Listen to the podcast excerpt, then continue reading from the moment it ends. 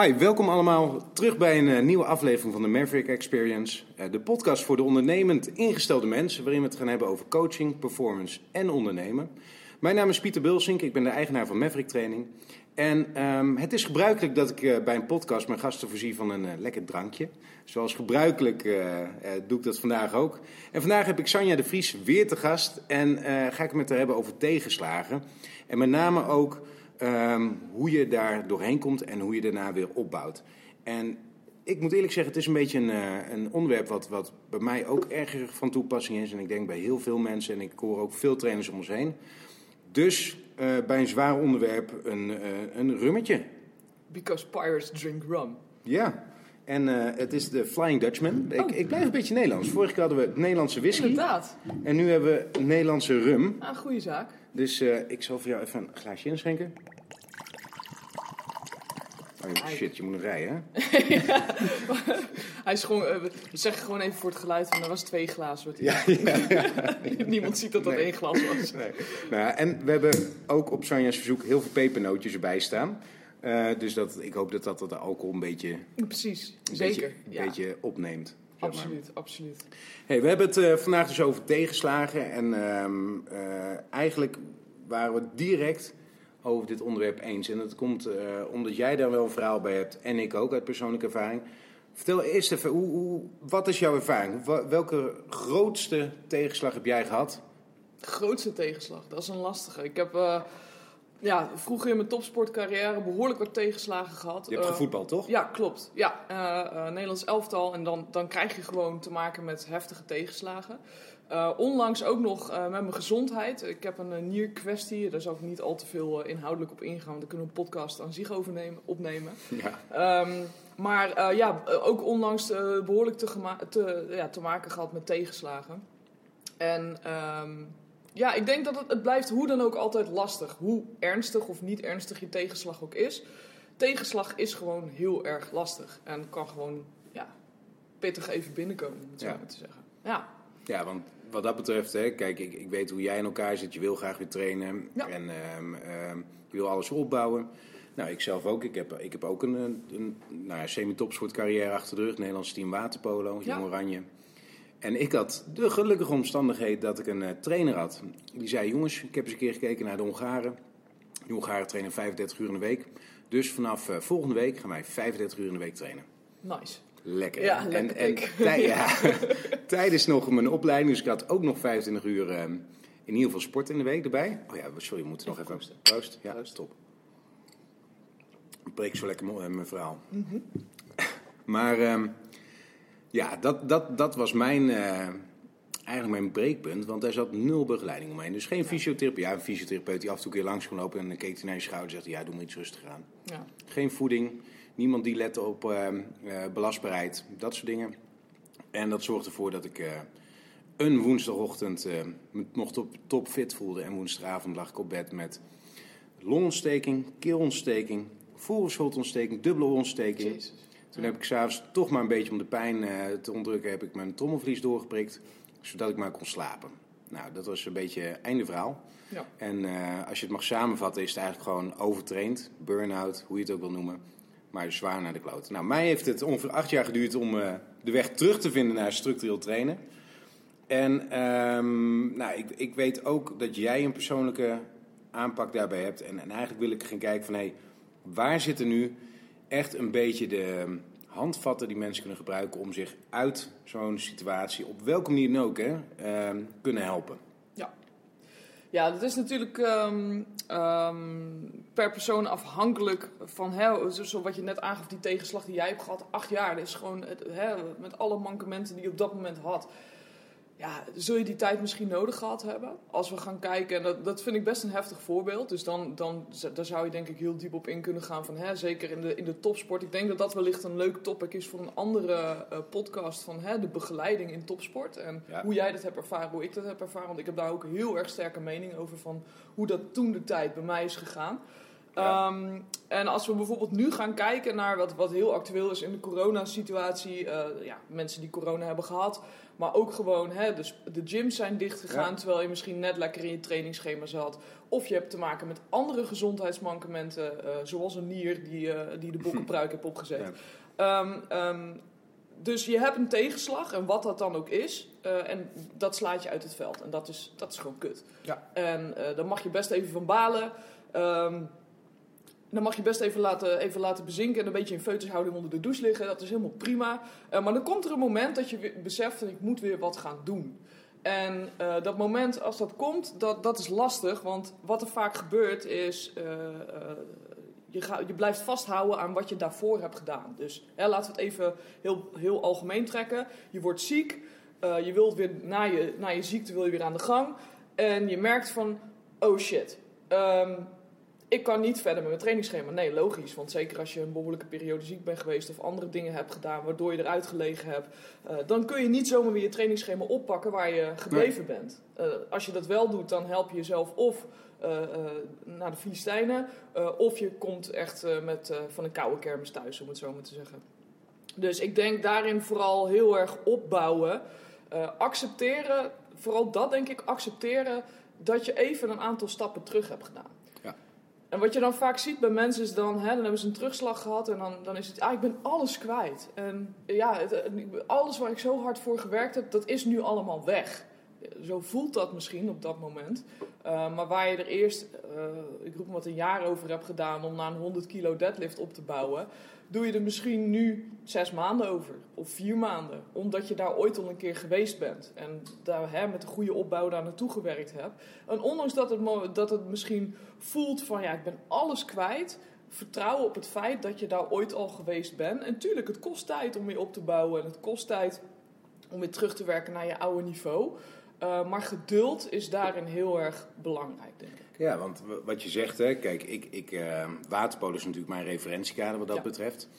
En op het moment dat ik aan het trainen of aan het spelen was, alles was, ja maar, vorig jaar kon ik het wel. Vorig Ja. jaar zwom ik harder. Vorig jaar was ik niet zo kapot na een training. Vorig jaar scoorde ik wel binnenkant paal en nu, nu uh, raak ik de keeper nog niet eens. Ja, Weet je wel, allemaal dat soort dingen. En dus de ene kant is te accepteren, het is zoals het is. ja. En aan de andere kant is dus ook wel weer dat voor ogen houden van hé, hey, daar ben je geweest, dus je kunt er ook weer naar terugkomen. zeker. Ja, absoluut.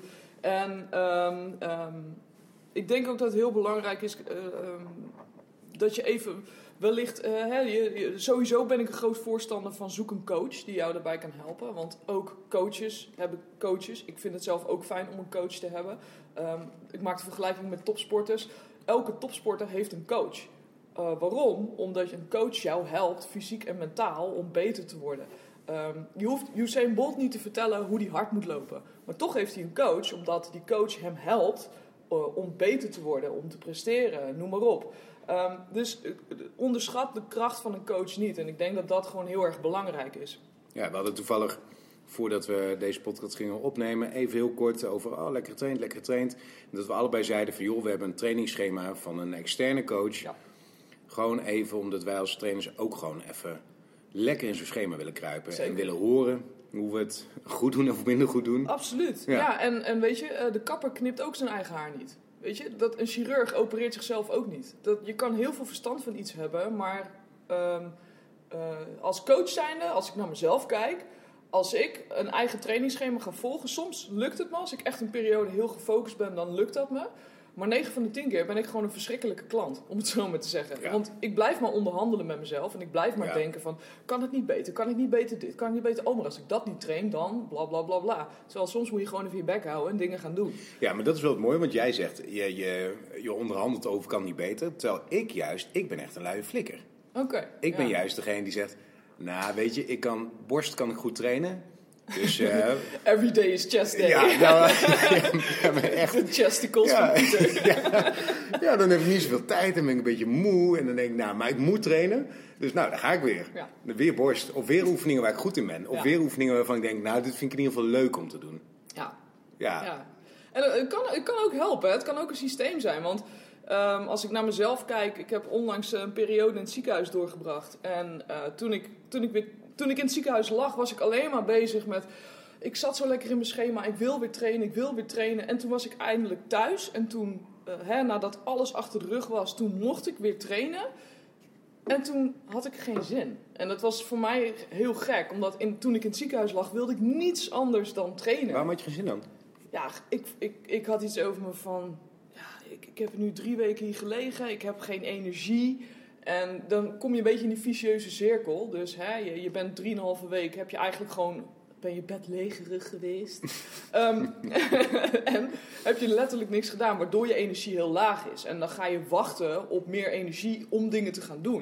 Maar soms moet je dingen gaan doen om meer energie te krijgen en die Ja. cirkel te doorbreken.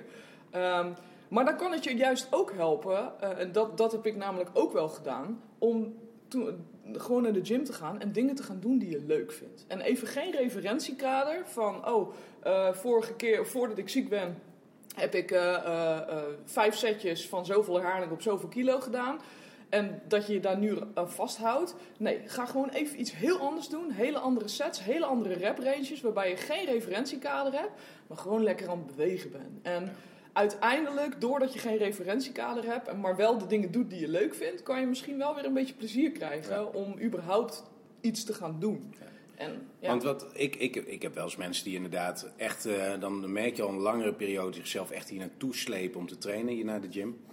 En ehm, weet je, dat pik je snel genoeg op als coach. En soms dan probeer ik dat een beetje te doorbreken door inderdaad even weg te blijven van gewichten, zeg maar, maar gewoon inderdaad, nou in de oude, oude setting, eh, met een hamer op een tractorband te slaan. Ja. Of eh, weet je, het is zwaar, het is pittig, maar even eh, niet bezig zijn met hoeveel sets, hoeveel herhalingen, Nee. dat soort dingen. Ja, zeker. Nee, helemaal mee eens. En dat, dat kan een methode zijn om het weer op te pakken. En voor de ander werkt dat heel anders. Die zegt wel van oké, ik wil afschalen en ik pak wel mijn schema Ja. weer op. Alleen met zoveel procent minder als wat ik altijd gedaan heb. En eh, eh, dan, dan zie ik bijvoorbeeld, en dat is natuurlijk ook wel weer de andere kant van de medaille. Als je je trainingsschema oppakt eh, eh, waar je gestopt bent, maar hè, je schakelt Ja. wel terug. Dus even min 20% Ja. aan gewicht of herhaling of whatsoever dat je ook wel weer makkelijk kan meten van na hoeveel weken ben ik weer terug op mijn oude niveau. En soms kom je erachter dat het best wel snel is. Ehm, ik heb het nu zelf gehad met hardlopen. Drie weken lang niks gedaan, volgepompt met medicatie. Ja, je gaat de eerste keer hardlopen. Nou, mijn hartslag was echt sky high. Ik had vijf kilometer hard gelopen. Ja, het, het voelde alsof ik, eh, alsof ik een marathon op sprintsnelheid gedaan had. Het was echt niet normaal. Eigen tetje. Ja, ja, nou echt. Ja, het was echt een ugly run. Eh, dus ik ben heel blij dat daar verder geen ma- ma- beeldmateriaal van is. Ehm, maar toen dacht ik echt van, ja, jezus, weet je, ik heb echt een, eh, langer dan, ja, ik denk drie kwart jaar, echt structureel twee, drie tot drie keer per week Ja. hard gelopen. En voor je gevoel ben je alles kwijt. En nu, ik denk twee weken geleden, had ik voor het eerst een, een loop dat ik dacht, hé, hey, oké hartslag. Tempo was eigenlijk weer oké van wat ik voor die tijd deed. En ik was vier, vijf weken verder nadat ik weer begonnen was met trainen. Dus in je hoofd maak je het altijd veel erger dan dat het is. Maar als je er eigenlijk achteraf op terugkrijgt, denk je, ja, vier, vijf weken, dat is best oké. Weet je, het is niet alsof je gewoon twee jaar trainingsverlies hebt. Maar het is wel zo dat in die vier, vijf weken, want dat, dat merk ik ook. Hè, van, ik, ik denk dat ik drie keer per jaar opnieuw opstart. Ja. Omdat ik weer eh, dan te druk ben en eh, geen tijd, echt geen prioriteit maak van trainen. Eh, het gaat om het bedrijf, het gaat om de members die je trainen. Daar wil ik alle aandacht in stoppen. En dan kom ik eigenlijk tijd tekort om te trainen. En daar, wat dat betreft energie. Maar die eerste vier, vijf weken dat ik dan opstart, ik vind dat echt fucking zwaar. Is ook. Ja, ook, ook met name in mijn hoofd. ja, ja. En het, wat mij wel, wel hout, eh, handvatten geeft, is inderdaad een trainingsschema. En dat ik me gewoon verplicht van, nou, ik train minimaal twee, drie keer in de week. Maar ik maak het, elke workout maak ik af. Elke Ja. training begin ik en die eindig ik. En zonder daartussendoor te denken, ah, fuck it. Ja, maar ik denk dat dat heel goed is. Want hè, zeker als je aan het opstarten bent, dan ga je snel concessies maken met jezelf van... Ja, maar dit, dit gedeelte is wel heel zwaar. Dat kan ik ook morgen doen als ik me beter voel. Ja. Nee, maak het nou ja, gewoon af. Je hoeft niet de, een nieuw record neer te zetten. Je hoeft niet de snelste tijd, de zwaarste squat. Maar ga het afmaken. Maak het van A tot Z af. En het kan best wel zijn hè, dat je echt drie, vier, vijf, zes weken misschien wel onderweg hebt... voordat je je ritme weer te pakken hebt en weer een beetje lol krijgt in het geheel. Uh, maar uh, ik denk dat dat voor de meeste mensen geldt, ook voor mezelf. Dat is eventjes door de zure appel heen bijten. Want het is niet meteen, dat eh, voor sommige mensen wel, maar voor de meeste mensen is het niet meteen dat als je de eerste keer in de gym komt, dat je denkt, nou, het was fantastisch, ik heb mijn hele mojo weer terug en hè, er is niks meer aan de hand. Nee, dat, dat, dat, dat heeft meestal even een x aantal weken en aantal keer dat je in de gym bent geweest nodig. Um, maar geef jezelf die tijd. En, uh, dus het is eigenlijk wat je zegt, als je het even, even samenvat, je, je moet gewoon zorgen dat je na een tegenslag focus houdt. Ja. Maar tegelijkertijd ook een beetje zorgt dat je uh, een relevant kader hebt. Dus je vergelijkt jezelf wel met eerder, maar niet in de zin van zo was ik, maar meer, hé, hey, daar kan ik weer naartoe opbouwen. Ja, precies. Ja, zeker. En Weet je, eh, zorg daarbij dat je uh, afspreekt met mensen. Dus zoek een, zoek een buddy op en, en uh, hè, motiveer elkaar. Want waar we het in de vorige podcast ook over gehad hebben, soms is motivatie is niet je beste leidraad. Als je na een tegenslag weer de draad op moet pakken, 9 van de 10 keer ben je niet gemotiveerd. Nee, de motivatie komt pas weer als je merkt, oh, dat is eigenlijk een lekkere training oh, ik heb eigenlijk toch wel weer wat leuk wat gewicht kunnen pakken. Oh, nou, vandaag ging het conditiegedeelte wel weer aardig. En het voelde eigenlijk best wel goed. En dan komt je motivatie, omdat je merkt van... hé, hey, ik krijg weer een beetje structuur, ik krijg weer ritme, ik heb lekker bewogen. ook met sporten, we kunnen natuurlijk een hele podcast erop loslaten... over wat voor hormonen er allemaal vrijkomen als je getraind hebt. Wat ook weer bijdraagt aan een stukje geluk. En, en ja, weet je, dus dat is een heel systeem wat dan in gang wordt gezet. Dus soms is wachten op motivatie niet de beste optie, maar moet je gewoon dingen gaan doen. En, en het is niet erg dat je zegt van het was helemaal kut vandaag, maar ik heb het gedaan. Prima. En twee, drie later, dagen later ga je weer. En dat herhaal je twee tot drie keer per week. En doe dat eerst eens vier weken achter elkaar. En meestal na week twee of drie merk je al, oh ja, ik merk eigenlijk wel dat, dat ik zeg maar dat ik er niet meer tegenop zie om dingen te gaan doen, maar dat ik ook misschien zelfs er een beetje naar uitkijken. Van, oh, even de gym in. Even weer een beetje trainen. Even weer hè, uh, uh, dingen gaan doen, letterlijk. En als je nou hè, een, een, zo'n zo'n periode inzet...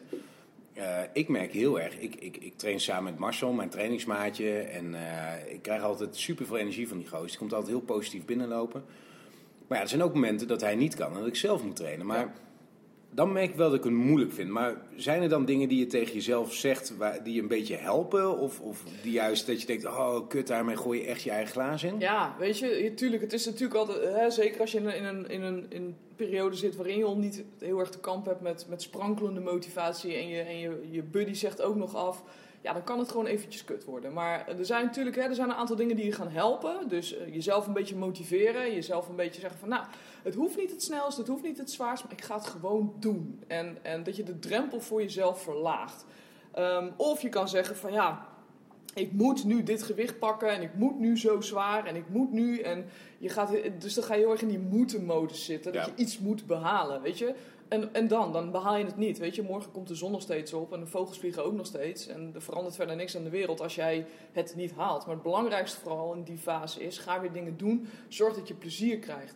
Uh, en en help, uh, help, zoek ook hè, wat dat betreft bij externe hulp. Dus heb jij bijvoorbeeld een, een playlist waar je super goed op gaat, waarbij je echt denkt: zo, als ik, als ik die muziek hoor, ja, dan, dan, ga ik echt beast mode. Zet die muziek gewoon loeihard op. Of op je koptelefoon, of in de, in de gym als je de of, luxe hebt. Of gewoon op je werk op het moment dat je nog moet. Ja, precies, inderdaad. Ja, of kijk, hè, kijk motiverende filmpjes van, van, van uh, weet ik veel wat. Uh, uh, als jij heel erg into de triathlon bent, kijk een mooie samenvatting van de triathlon of een docu van een atleet. Of weet ik veel. Doe alles wat jou motiveert om zelf aan de bak te gaan. Uh, dat, dat kan gewoon heel erg helpen. En, en uh, ja, weet je, en soms... Uh, Zijn er dan ook dingen hè, waar, waar, die je juist niet moet doen in jouw optiek? Waarvan je denkt van, nou weet je, daar, daar moet je echt op het moment dat je dat paardje op gaat in je hoofd... moet je meteen zorgen dat je weer terug op de hoofdweg komt. Ja, negatieve, negatieve self-talk. Dus hè, van, oh, dit wordt echt kut vandaag. Of, het kan natuurlijk wel als je daar een beetje met een nuchtere manier mee om kan gaan. Ik weet, uh, een trainingsmaatje en ik, wij komen op binnen van nou, de firma Steen en Been is weer bij elkaar, weet je wel. Bij ja. bewijs van zwarte humor. En daar moeten we juist heel erg om lachen. En daarin kunnen we alles een beetje op een, op een humoristische manier in perspectief plaatsen. Um, maar kijk daarmee uit. Als dat niet voor jou werkt, als je merkt van oké, dan ga ik heel erg mee in die negatieve gedachten, hou daar dan mee op. Weet je, zeg dan gewoon van nou, het doel is vandaag, ik ga gewoon lekker, lekker trainen, lekker bewegen. En, en begin desnoods licht met een gewicht. Dat je denkt, oh, dit voelt goed, ik ga iets zwaarder. Oh, iets zwaarder voelt ook goed. Oh, ik kan nog, misschien nog een kilootje erbij. Voelt het te zwaar? Prima, schakel weer terug. Maar ga jezelf niet veroordelen. Uh, ben je heel erg bewust met het feit dat je herstellend bent van iets, wat dat dan ook mag zijn. En, en uh, hè, pak, pak, probeer de draad weer op te pakken. Zeker als je merkt dat, dat het plezier weg is, dan is dat je eerste doel. Zorg weer dat je plezier krijgt in de training. Um, uh, ja, ik denk dat dat gewoon heel erg belangrijk is. En wat vaak ook gebeurt, heb ik de afgelopen periode zelf ook een aantal keer gehoord.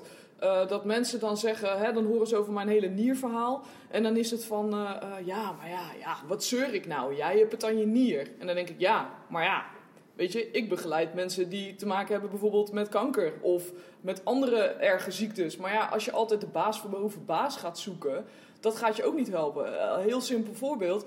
Uh, je kan een splinter in je vinger hebben, dat is absoluut niet levensbedreigend. Maar als jij 35 keer op een dag die vinger stoot waar die splinter in zit, dan heb je daar gewoon heel erg veel last van. Ja, en het is natuurlijk ook je referentiekader. Hè? Ja. Kijk, ik heb, uh, mijn, mijn, moeder is overleden toen ik 20 had. En op dat moment zei iedereen tegen mij: Oh, wat erg, wat erg. Oh, dan heb ik, ja, ik heb nou, een splinter in mijn vinger. Nou, maar dat is niks vergeleken met jou. En toen denk ik: Nee, maar jouw moeder is ook niet overleden. Jouw referentiekader is op dat moment die splinter in je vinger en meer is het niet. En gelukkig maar, hè. Dat is ook, uh, en, en hetzelfde als een kind die knijterhard kan huilen omdat Kavia is overleden. Terwijl wij denken, ja, Kavia is dood, hop, door de wc spoelen. En een, of nee, Kavia doe je niet in de wc, hè? Nee, Kavia begrijp. Goudvis doe je. Sorry. Sorry, maar Gerald, mijn trainer, die, die, die, uh, oh, die heeft een liefde voor cavia's, dat wil je niet weten. Dus sorry Gerald, ik zal nooit een cavia door de wc spoelen. Maar het is wel zo dat voor een kind is dat het ergste eh, van de wereld op dat moment. Ja. Terwijl wij denken, joh, een cavia, prima, en, en een nieuwe. Ja, dus ben, het is ook wel referentiekader. Ik ben ook wel echt iemand die gewoon echt uh, extreem uh, slecht gaat op het overlijden van, die, over het overlijden van dieren, hoor. Echt waar? Ja, ik ben echt wat betreft een zacht ei. Ja. Oh, ja. maar niet, ik, heb, ik heb niet per se een connectie met cavia's. Maar... Nou, ik heb dus Gerald hier. En Gerald is een, een echt een geweldig goede trainer. En die is helemaal fan van cavia's. En ik betrapte mezelf op dat door zijn enthousiasme, laatst was er een cavia overleden, en dat ik hem serieus een uh, gecondoleerd berichtje heb gestuurd. Ah. Ja, terwijl ik er helemaal niks mee heb, maar wel dat ik dacht, ja sorry Jill, ik vind het gewoon kut voor je. Echt kut voor je, ja. Maar, maar, uh, zijsprongetje. Ja, ja, precies. Klein beetje off-topic. Ja, het gaat dus om, om het, het referentiekader dat je hebt. En dat het dus niet per se een vergelijking is tussen jou, jouw probleem en, en iemand anders. En dat het een erger is of, of het ander minder erg. En dat je daarmee ondergeschikt maakt. Het is gewoon... Nee, zeker. Je hebt gewoon je struggles, punt. En... Uh, um, hè, het gaat je ook niet helpen als je denkt, oh ja, maar ik mag niet zeuren. Want tuurlijk, hè, je mag jezelf wel eens, daar hebben we het in de vorige podcast ook over gehad, je mag jezelf absoluut wel eens een beetje een schop onder je reet geven. Want je mag in feutushouding onder de douche liggen, dat is prima, je mag er allemaal even zijn. Maar daarna is het tijd om de draad op te pakken. En uh, de enige manier waarop dingen weer beter gaan worden, is door dingen te gaan doen. Het is niet dat als je een tegenslag hebt gehad en je hebt drie, vier weken niet getraind, dat je dan ineens op een ochtend magisch wakker wordt en denkt: Nou, ik voel me supergoed. Al mijn gains heb ik terug, al mijn conditie heb ik terug. Nee, dat, en dat is het een beetje tussen aanstekens ondankbare. Je zal weer opnieuw moeten gaan opbouwen. Maar als je weer in dat proces zit, ga je ook merken dat je weer de lol terug gaat krijgen in, dat, in, het, in dat hele proces waar je dan in zit.